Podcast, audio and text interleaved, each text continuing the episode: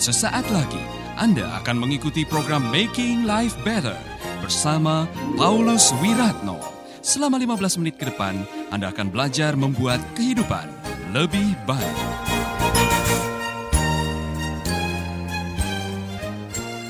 Jadi, saudara-saudara, saya rindu sekali Anda semua terhubung dengan orang-orang yang positif. Orang-orang yang memberi nilai plus supaya hatimu bisa bertumbuh. Bukan orang-orang yang negatif. Orang-orang yang selalu merendahkan orang lain. Orang-orang yang kalau ketemu ngerumpi. Hei saudara-saudara hati-hati. Amin. Yang ketiga, misinterpretation. Ya. Yang pertama, misinformation, informasi yang salah. Yang kedua, orang-orang yang salah yang dijadikan sumber informasinya. Yang ketiga, orang Israel ini salah menafsirkan kenyataan. Kalimatnya mengerikan sekali saudara. Kalau saudara membaca di dalam kembali ke dalam uh, kitab bilangan, saudara akan uh, menemukan kalimat-kalimat yang waduh. Mereka ini belum apa-apa, sudah membuat kesimpulan bahwa Musa itu tidak becus. Tuhan salah memimpin kita. Buktinya apa? Kita akan mati nih. Kita akan mati nih. Sehingga kesulitan itu menihilkan janji Tuhan dalam hidup mereka.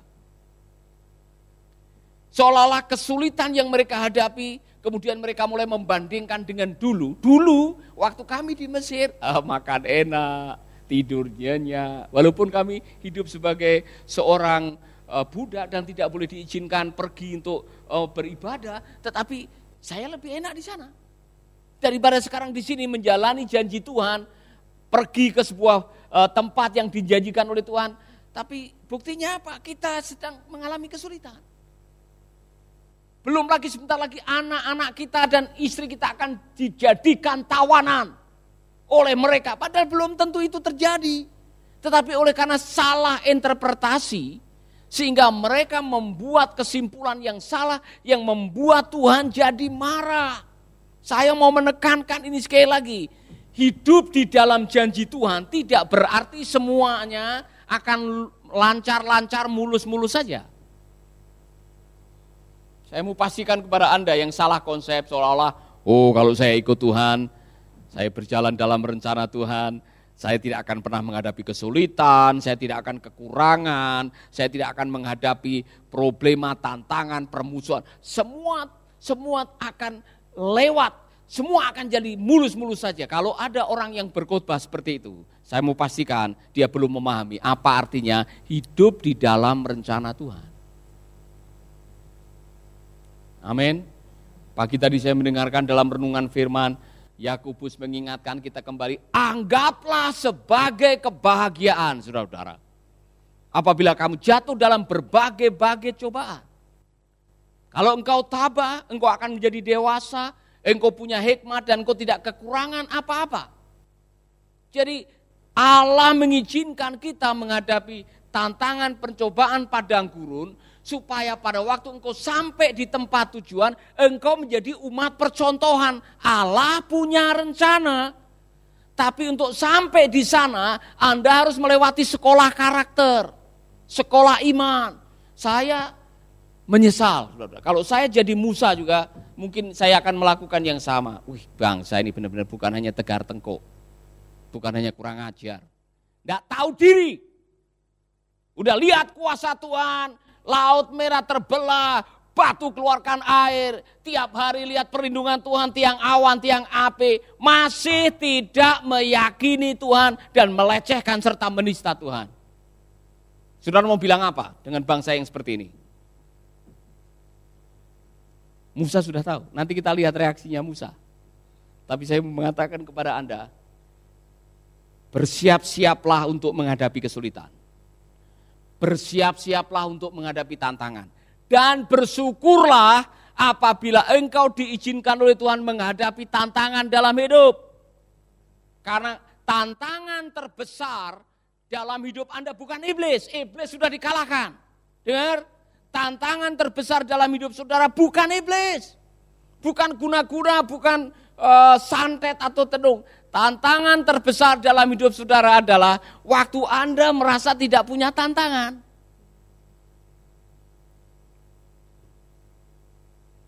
Banyak orang jatuh pada waktu masuk di zona nyaman dan merasa tidak ada tantangan. Contohnya siapa?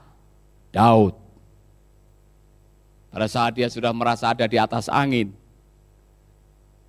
Dia merasa sudah tidak ada job lagi, tidak perang lagi dia sudah menjadi raja. Dia hanya tinggal perintahkan anak buahnya untuk maju perang. Apa yang dia lakukan? Nonton orang mandi. Kalau dia perang kan tidak ada kesempatan nonton orang mandi. Jadi kita semua, waktu Anda sudah merasa tidak punya tantangan, Anda harus waspada. Karena di situlah jebakan Batman akan Anda alami. Amin. Pak Roni masih ada tantangan? Bersyukurlah. Ya. Tantangan terbesar adalah beli hotel itu. Ya. Sebentar lagi. Udah dikasih murah sekali ya kan? Luar biasa. Nah, itulah sebabnya saya mau mengajak Anda belajar dari Pak Paulus Wiratno. Bawalah imanmu dalam petualangan. Artinya kalau Anda sudah sampai di satu titik, Jangan berhenti di situ dan mengatakan, sudah selesai. Padahal masih ada lagi yang Tuhan mau katakan dalam hidup Anda. Hidup ini masih harus dijalani. Ya kan? Ikutilah perjalanan umat Israel. Dari tempat ke tempat mereka berpindah-pindah. Dari mujizat ke mujizat. Sampai nanti sampai di tanah perjanjian. Dalam hidup ini, bawalah imanmu dalam petualangan. Jangan hanya mengatakan, oh sudah selesai. Ya. Makanya begini, terutama untuk para pria ya, ketika Anda kehilangan gairah, kehilangan passion untuk melakukan sesuatu, Anda tidak lama akan pergi ke tempat peristirahatan terakhir. Karena survei membuktikan orang yang pensiun dua tahun setelah itu meninggal. Jadi kalau boleh dalam hidup ini tidak ada istilah pensiun. Artinya apa? Mari kita melakukan dengan maksimal, tantanglah dirimu, tantanglah imanmu untuk selalu ada di dalam eh, perjalanan petualangan. Karena apa? Tidak mungkin kita berkenan kepada Allah tanpa iman. Jadi satu-satunya cara kita hidup berkenan kepada Allah adalah hidup dalam iman. Tulis baik-baik ini. Anda masih bersama Paulus Wiratno di Making Life Better.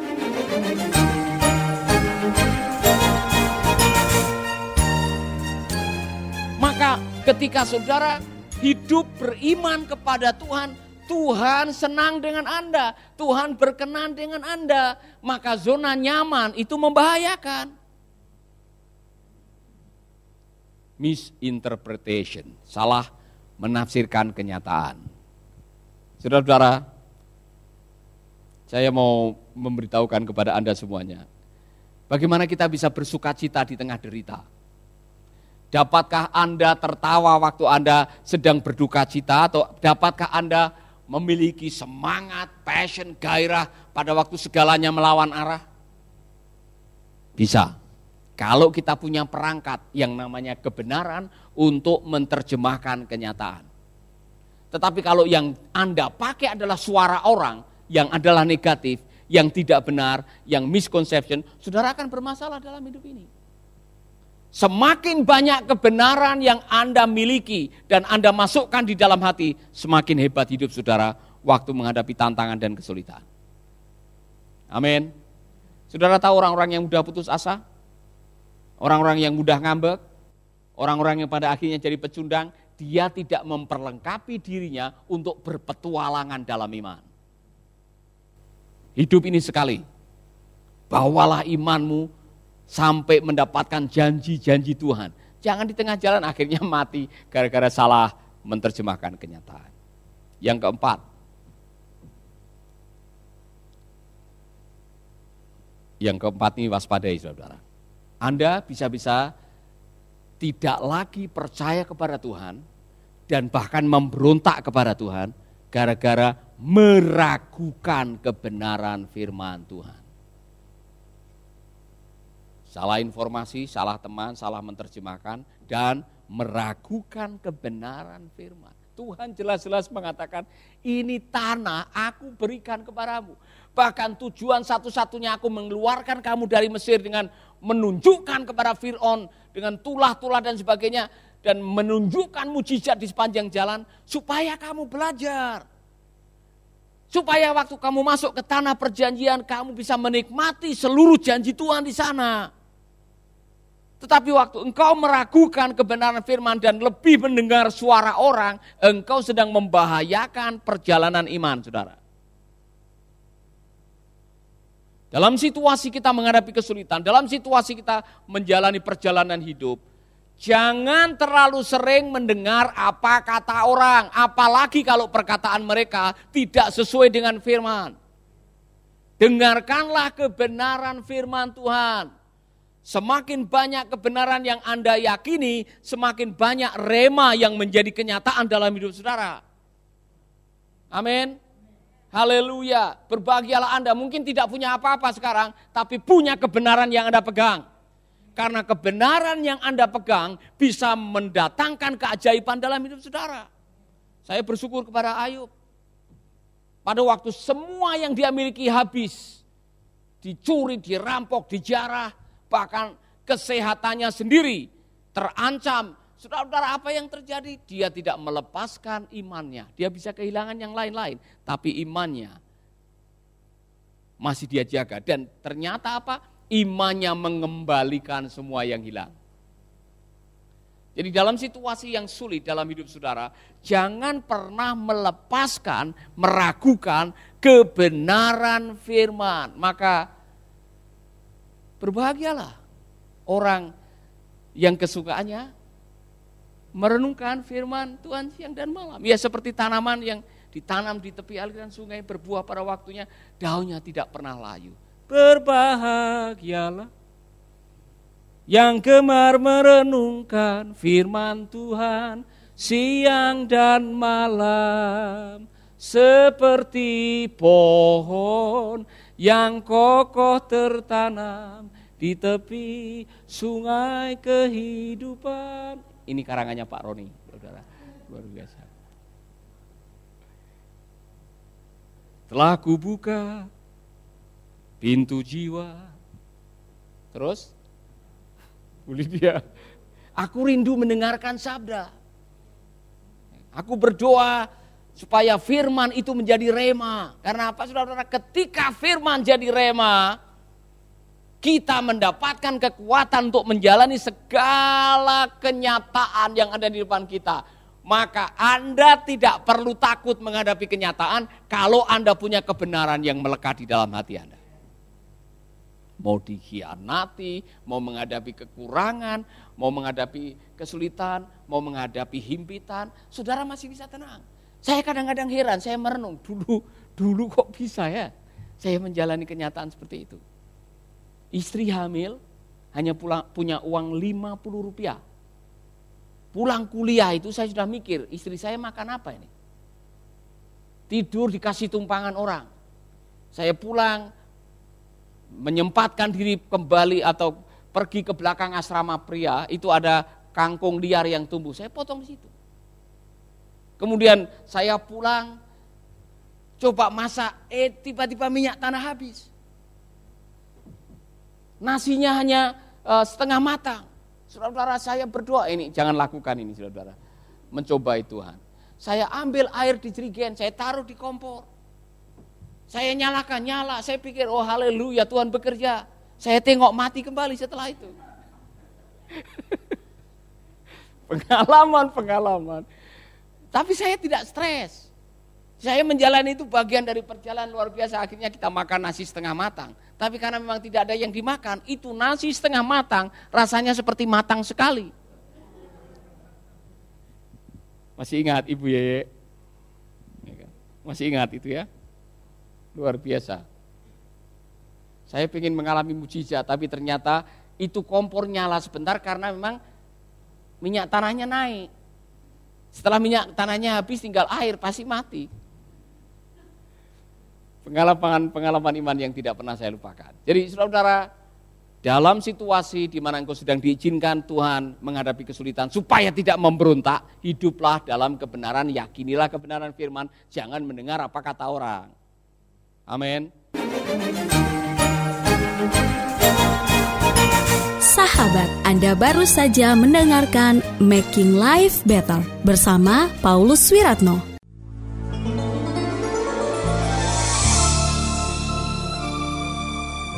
Keluarga Gracia, biarlah firman Tuhan selalu menjadi pelita dalam hidup kita sepanjang tahun ini. Dengarkan selalu radio Suara Gracia di 95,9 FM, streaming di suaragratiafm.com streaming atau dengan aplikasi Android Radio Suara Gratia yang tersedia di Play Store. Jika Anda diberkati oleh siaran suara Grasi FM dan mengalami kuasa mujizat Tuhan, mari menjadi berkat dengan mengirimkan kesaksian ke WhatsApp Radio Suara Grasi FM di 0817 222959. Biarlah melalui kesaksian Anda, banyak jiwa dikuatkan dan dibangkitkan kembali imannya. Tuhan memberkati.